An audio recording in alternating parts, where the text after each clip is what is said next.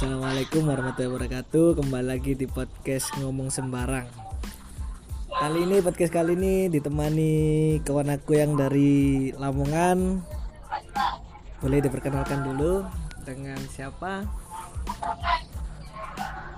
Halo, Ya, ya ini aku Ilva Wilda. Ya ini dari Lamongan. Nggak tahu saya ini dianggap mas- masih dianggap teman apa enggak sama teman saya ini. Iya iya iya Iya iya iya Boleh lah dianggap musuh boleh lah Oh, oke. Kan kita kan memang bisa jadi teman, bisa jadi musuh ya. Oke Fleksibel banget gitu, tergantung situasi. Oke. Jadi Jadi gimana ini? Jadi podcast kali ini kita ngomongin Lamongan ya. Sapa Lamongan. Lamongan, ya. Apa yang ingin ditahu ya dari Lamongan? Mungkin Lamongan itu kan kota yang berdekatan dengan Gresik. Satu kota lagi dari Ya. Surabaya. Jadi Ya, Surabaya kan kini menjadi kota yang paling berbahaya, istilahnya zona merah. Jadi di Lamongan di Jawa keadaan- Timur ini. Iya. Jadi Lamongan itu bagaimana? Situasi Covid-19. Ya, situasi COVID-19 di Lamongan sih sekarang sudah eh, lumayan menurut saya, menurut sepengetahuan saya, itu sekarang sudah lumayan sudah mulai agak membahayakan ya karena kemarin itu sempat sudah ada yang memakan korban jiwa Wow, korban jiwa. jadi ya sudah ada yang sempat meninggal Positif berapa sudah ada yang? Hmm. positif hmm, terakhir lihat sih 13 ya terakhir lihat tapi saya nggak tahu sekarang berapa belum lihat lagi updatean hari ini Itu zona kuning apa zona merah Lamongan? hmm, zona merah Oh iya. zona merah karena Isu-isu- sudah ada yang positif zona merah. Oh ya, isu-isu Iya. terakhir Lamongan itu lagi dilanda banjir. ya itu kemarin di beberapa daerah di beberapa desa di Lamongan sempat ada banjir kemarin tidak semua ada yang cuma eh di Lamongan kan beberapa itu ada yang punya apa tambak ya bahasanya Iya, tambah sawah. di, petani ya sawah dan tambak. Ya di sini kan banyak profesinya itu banyak yang jadi petani. Kalau yang di desa-desanya itu.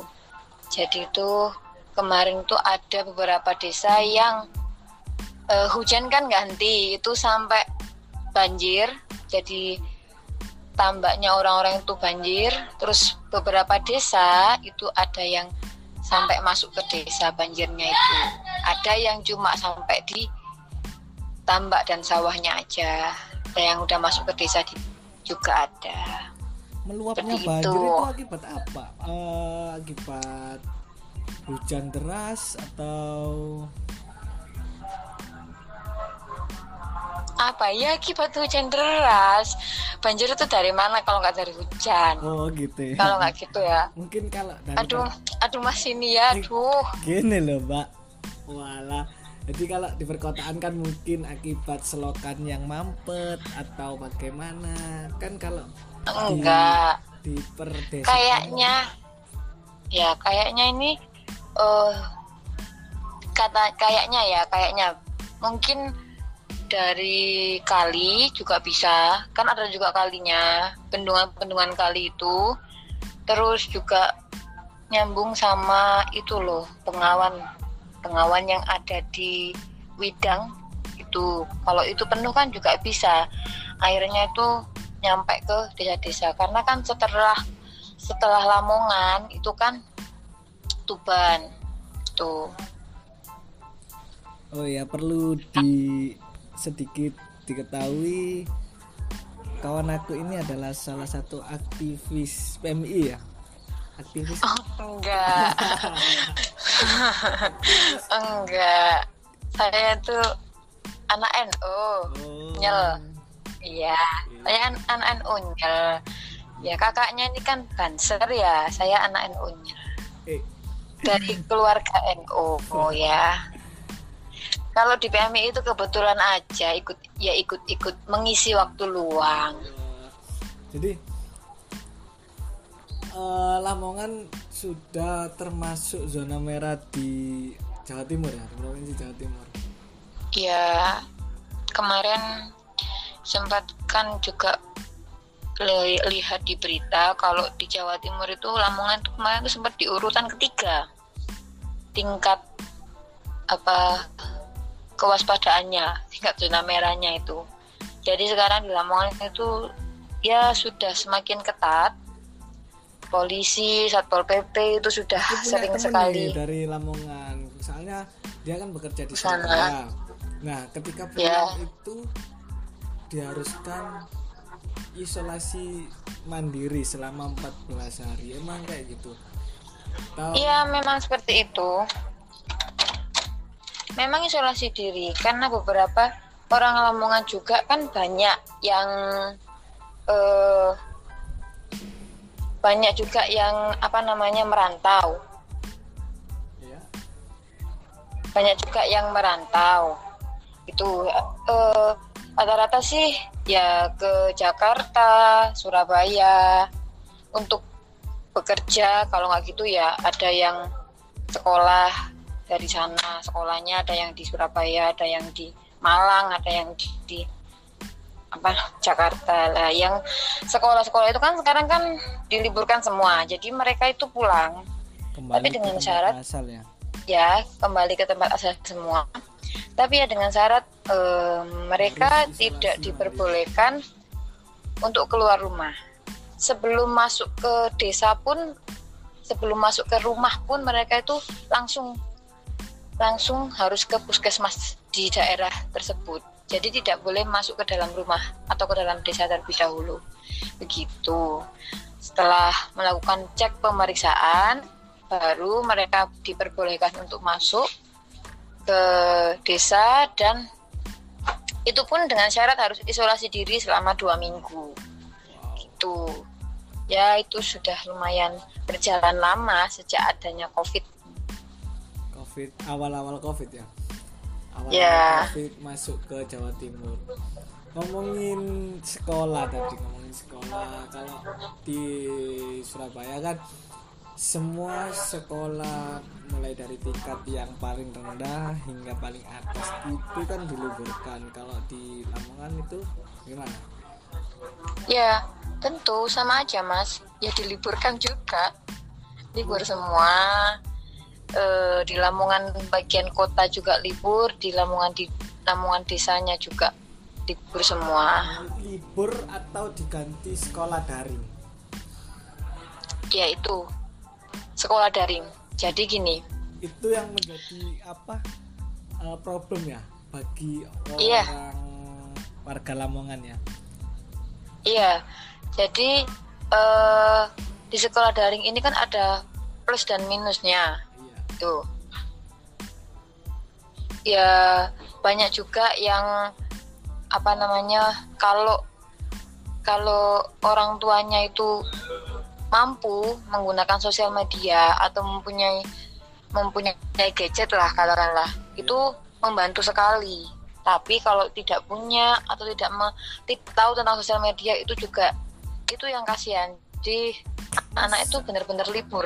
Masa daerah milenial seperti ini ada Loh, orang tua yang ada belum- mas oh ma- ah, masih ada jadi loh masih ada saja di namanya di desa itu tidak bisa dipungkiri oh gitu Eh, saya gini gini mas saya mau cerita sedikit ya oke siap Jadi saya itu punya saudara. Saudara dia itu seorang pendidik di desa. Di desa, desanya itu tet- tetangga desa saya. Itu dia itu jadi pendidik di sana. Saya pun tanya-tanya kepada beliau, bagaimana ini kan libur? Apa masih daring atau gimana? Tanggapan beliau seperti ini. Tanggapan beliau seperti ini. Jadi eh, selama Covid ini kan daring. Ya, saya hanya bisa memberikan tugas dan apa namanya cek memberikan materi kepada anak-anak itu hanya kepada ibu-ibu yang memang menggunakan gadget dan paham tentang sosial media gitu.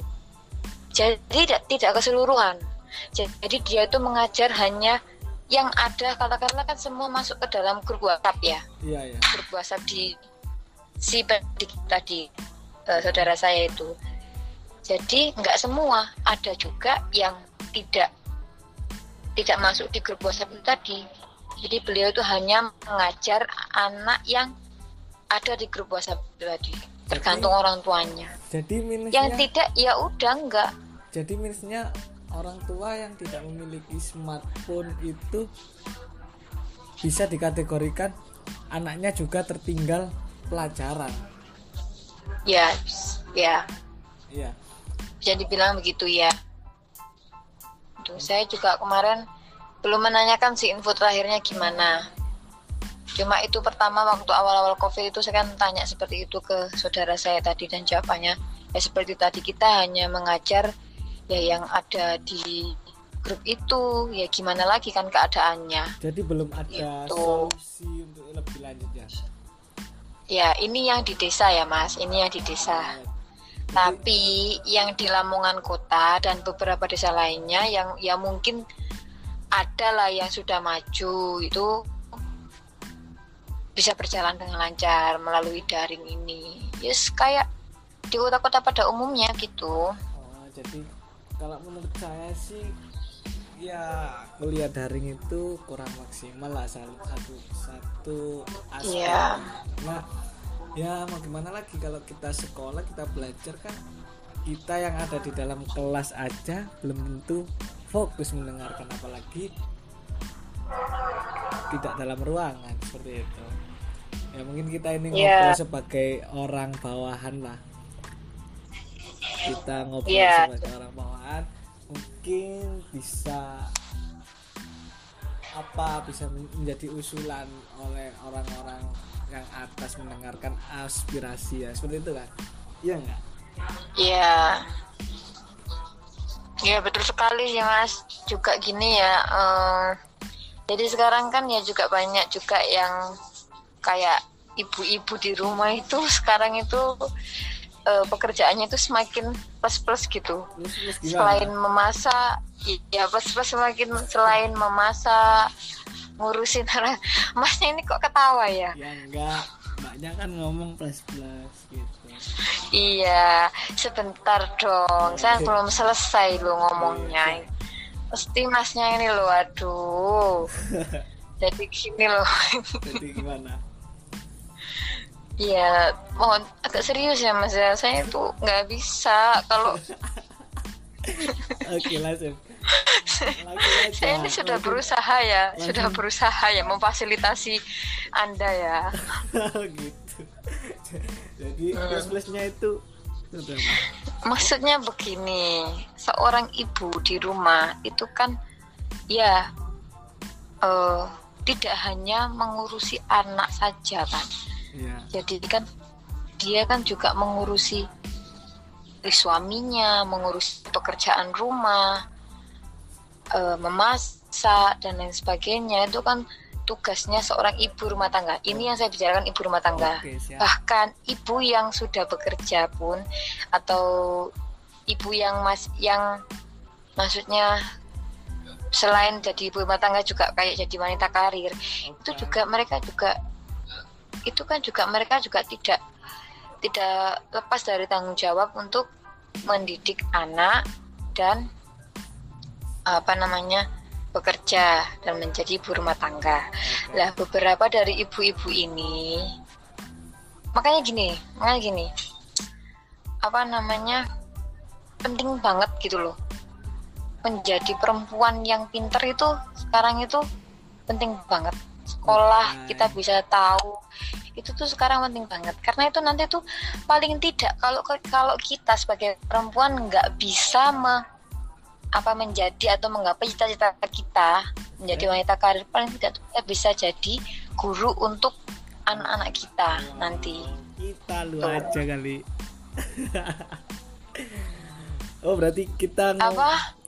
berarti berarti ngomongnya wanita karir istilahnya istilahnya wanita itu nggak pekerjaannya nggak cuma menjadi ibu rumah tangga bisa lebih dari itu gitu kan? Jadi istilahnya iya bisa lebih dari itu. menyamaratakan hak. Ya istilahnya kembali ke kartini Oke. ya. Kembali ke kartini ya. Oke, ya, ya, ya itu kan salah satu apa namanya bentuk perjuangan ibu kita kartini dulu ya, memperjuangkan emansipasi wanita itu. oke Jadi ya, ya, maksudnya sekarang tuh kelihatan sekali kan ada ibu-ibu yang melihat anaknya belajar di rumah itu ada yang eh, seneng atau biasa aja atau ikut belajar. Ada juga enggak sedikit juga ibu-ibu yang semakin stres karena anaknya belajar di rumah itu. Oh karena mengganggu gitu. Hmm. mengganggu orang enggak mengganggu karena gitu. kan gini. Kan seperti itu. Enggak enggak bukan begitu Oh, mas. iya, iya. bukan begitu mas. Bukan begitu. Kan kadang seorang orang tua kan nggak tahu apa yang dikerjakan anak kita di sekolah. Oke. Tantangannya seperti itu. Oke, kalau kita tidak sebagai perempuan yang eh, cerdas atau tahu atau mau belajar ya itu tuh nanti akan kesulitan sendiri. Sekarang kan anak-anak daring dikasih tugas disuruh bikin mapping disuruh bikin eh, begini begitulah suruh bikin video apa namanya olahraga atau gimana. Nah itu kan eh, seorang ibu kan juga harus mempelajari anaknya terlebih dahulu. Gimana cara bikin ini, cara bikin itu, atau cara katakanlah untuk anak anak yang masih belajar kalistung itu juga atau tugas Susah. daring itu atau tugas sekolah itu kembali menjadi Apa? orang tua Iya, itu sekarang itu kayaknya udah mengerjakan orang tuanya gitu. iya, menjadi bisa tugas jadi- orang tua Iya, ya itu sekarang kan tugas jadi tugasnya orang tua juga karena gimana caranya orang tua itu memberitahu anaknya untuk mengerjakan tugas dari daring tadi kan iya gitu. tapi Ada akhirnya juga beberapa ibu-ibu yang paham, si orang tuanya ya. akhirnya yang mengerjakan kan si orang tuanya Iya, akhirnya kan yang mengerjakan orang tuanya itu ya tapi ya nggak semua kan mas. Ada juga anak yang bisa lah diajarin, akhirnya dia mau untuk belajar. Ada juga yang enggak gitu. itu Ya tergantung gimana cara gimana cara si orang tua mendidik anaknya sih. Gimana caranya si orang tua mendidik anaknya tergantung seperti itu aja. jadi Jadi gimana kan sekarang kan untuk anak-anak yang sekolah kan ya gimana caranya meskipun stay at home, meskipun kita lagi di rumah Di rumah saja, saja. itu anak-anak itu tetap pinter, anak-anak itu tetap pinter dan tidak ter- tertinggal dengan pelajaran kan, iya tuh. Iya, ya emang sih. Tapi kalau kita bicara soal fakta ya, orang apa anak-anak Ya. yang belajar kita, kita yang belajar di kelas aja, kemungkinan sekali tertinggal. Gitu, Hmm, kemungkinan sekali tertinggal. Padahal kita hadir dalam kelas itu, ya nggak? Apalagi, Ya. apalagi sekolahnya kayak gini. Jadi itu bisa menjadi Ya. PR besar buat buat pendidikan lah, pendidikan bangsa ini saat darurat COVID-19 itu yang sangat sangat iya, perlu dikaji lagi. hmm. Di Makanya saya saya kemarin gimana mas? ya mungkin sebagai bisa ditelaah lagi lah bagaimana pendidikan yang efisien saat oh ya kalau di Madura kemarin ada suatu ada ba- ba- baru ada berita bahwa seorang guru Ya, rela mendatangi muridnya satu persatu. Wah itu luar biasa sih tapi itu kurang efisien ya itu juga. sangat harus diapresiasi sekali ya itu. ya bisa Hmm. ya sangat harus diapresiasi tapi menurut aku sih ya kurang efisien karena mendatangi muridnya satu persatu itu adalah memakan waktu yang cukup lumayan Sama. dan juga Hmm, waktu belajarnya dia berapa berapa jam gitu oh iya iya iya. Jadi ya perlu ada iya sih. pengkajian lagi supaya supaya ya memang ini masa-masa sulit tapi bagaimana bangsa ini tetap menjadi bangsa yang berpendidikan gitu. Kalau aku ya aku mikir ya aku mikir-mikir wah kuaya mikir. Di era yang sulit ini kalau bangsanya nggak terdidik itu akan semakin serem di masa sulit ini bisa Iya. menjadi apa ya kembali lagi Iya, ke zaman banget sih. 9- 98 masa-masa penjarahan nanti akan ada penjarahan kan lucu banget di Indonesia Hmm. di masa COVID-19 apa orang yang ada di dalam penjara malah dikeluarkan. Dan Iya. itu menjadi keresahan warga kembali. Karena kejahatan merajalela. Bisa aja dilakukan lagi. Ya ya ya ya sangat bisa lah. Kita pikir aja ini sebentar lagi hari raya orang pasti butuh duit. Nah sedangkan iya. sedangkan pekerjaan-pekerjaan banyak yang merumahkan karyawannya. Nah hmm. begitu juga orang yang baru keluar dari penjara itu adalah orang yang belum punya pekerjaan atau penghasilan. Ya. Nah terus? Iya sih. Apa jadi kan ya meresahkan juga ya karena mereka kan mungkin ya tidak punya pekerjaan akhirnya akhirnya melakukan atau mengulangi lagi hal salah yang pernah dilakukan katakanlah seorang pencuri. Kan saya dengar-dengar kemarin juga katanya Surabaya sudah kayak begal-begal gitu katanya di Surabaya sekarang udah jalan lagi. Ya kan mas? Ya bukan begal apa? Pencurian penyantor curanmor. Ya. Iya katanya di Surabaya kemarin sempat ya beberapa kali rame kayak gitu. Kalau di Lamongan sih alhamdulillah belum ada yang sampai ada kejadian gitu. Cuma ya saya eh, saya mau kembali sedikit ke pendidikan tadi ya Mas, Oke. boleh nggak? boleh siap silakan Jadi kan kemarin kan saya juga sempat sempat baca berita kalau katanya akan ada daring yang akan disambungkan ke televisi. Oke Kalau nggak salah ada. di TVRI atau di mana? Sudah Di salah satu di salah satu stasiun televisi Ya, ya. di TVRI sudah Itu ada. menurutku menurutku ya, menurutku itu efisien sekali. Lebih baik seperti itu. belum tentu Kan gini. Kan gini Mas ya. Iya. eh kan banyak kan gini setiap daerah zaman kan di Surabaya oke saya di Lamongan iya ya teman kita di setiap daerah masing-masing kan ada TV di daerahnya iya. ya kan? Di Surabaya ada stasiun TV-nya nggak? Iya. ada kan? Ada ada lah. Di Lamongan juga ya. Di Lamongan juga ada stasiun TV namanya Citra TV oh Nah, stasiun kenapa? lokal ya sem stasiun lokal. iya stasiun Oh, lokal iya, oke. Oh, ya saya tadi ngomongnya apa mas? Maaf ya kalau salah ya.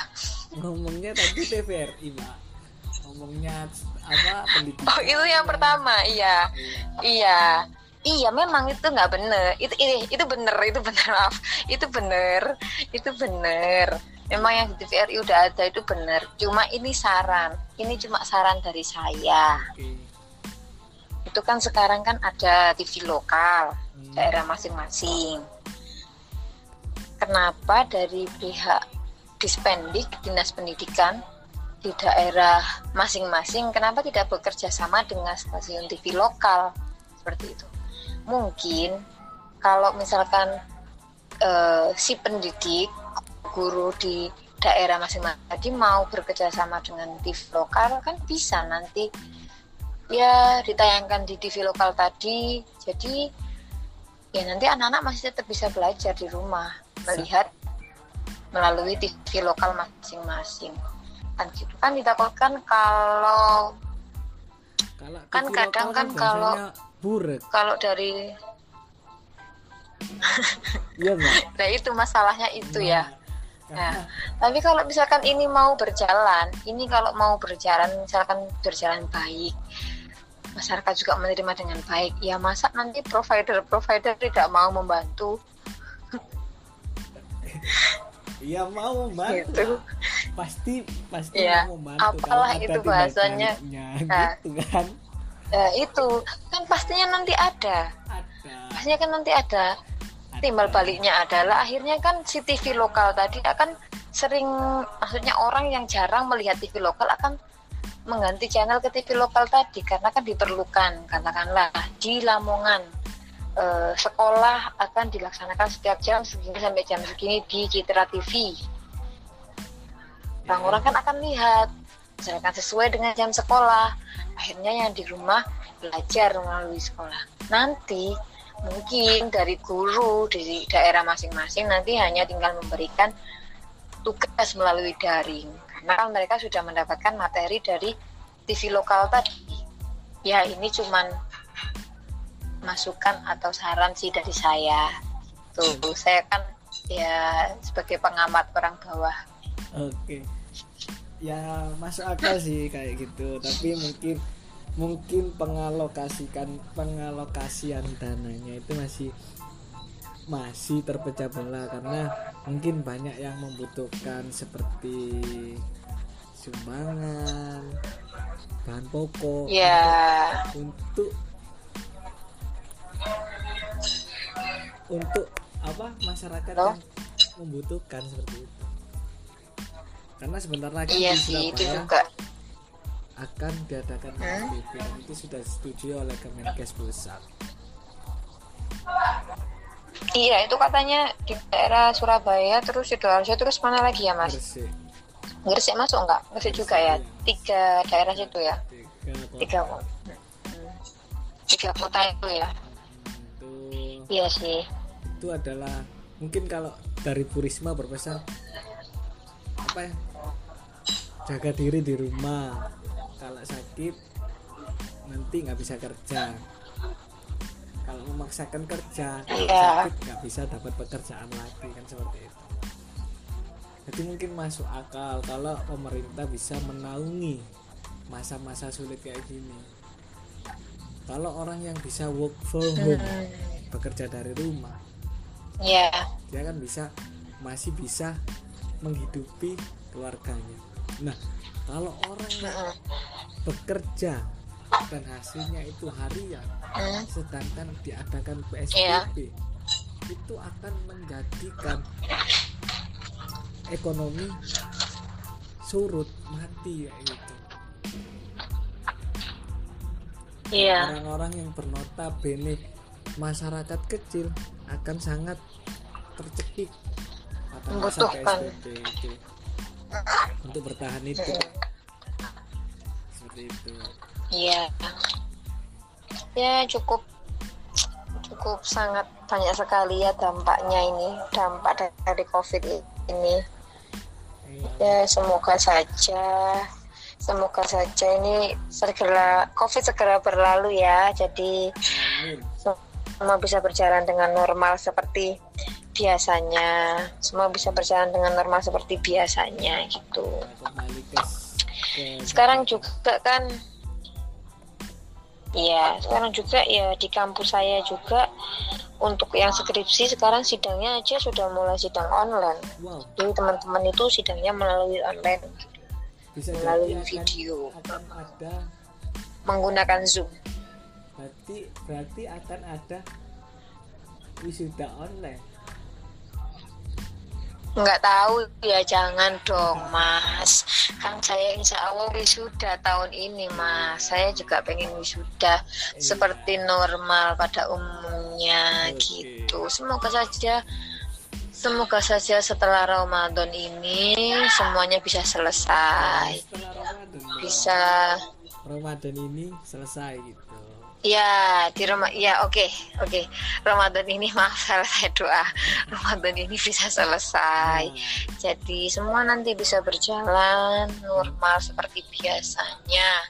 Gitu. Amin. Nah, lebaran juga kembali ke normal bisa sih ke iya Mm-mm, kasihan juga ya mas saudara-saudara saya yang ada di Malang, di Surabaya, sidoarjo tidak bisa mudik besok dikarenakan COVID ini. Oke, terima kasih. Kan nggak bisa ketemu. Oh, Buat iya sama-sama ya. setengah jam menemani podcast teman-teman. Oh iya, semoga selalu lancar ya mas YouTube-nya. Ya, Semoga YouTube-nya sus- subscribe-nya bisa banyak kayak Atta Halilintar berjuta-juta subscriber. Nanti jangan lupa sama saya ya. Iya, Nanti kalau sudah jadi youtuber besar, jangan lupa sama saya. Saya kan teman sekaligus musuhnya jenengan gitu. Siap. Doakan. Karena mungkin Oke. mungkin ini podcast ini adalah salah satu pengisi waktu luang. Karena Iya. hari-hariku semakin monoton main game, bekerja, main game lagi. Ya itu kan hari ya itu kan harinya Mas ya. Alhamdulillah meskipun seperti ini hari saya tetap produktif. Karena saya lagi nggarap skripsi Mas ya. Iya. Jadi saya tetap produktif alhamdulillah. Mohon buat didoakan ya semoga skripsi saya lancar. Saya Oke. bisa Semoga bisa sidang ini. lancar. Amin. Dan wisudanya normal, tidak online. Iya, siap. Terima kasih. Oke. Sekian podcast kali ini. Iya, sama-sama. Mungkin akan ada podcast-podcast selanjutnya. Terima kasih. Wassalamualaikum warahmatullahi wabarakatuh. Waalaikumsalam warahmatullahi wabarakatuh.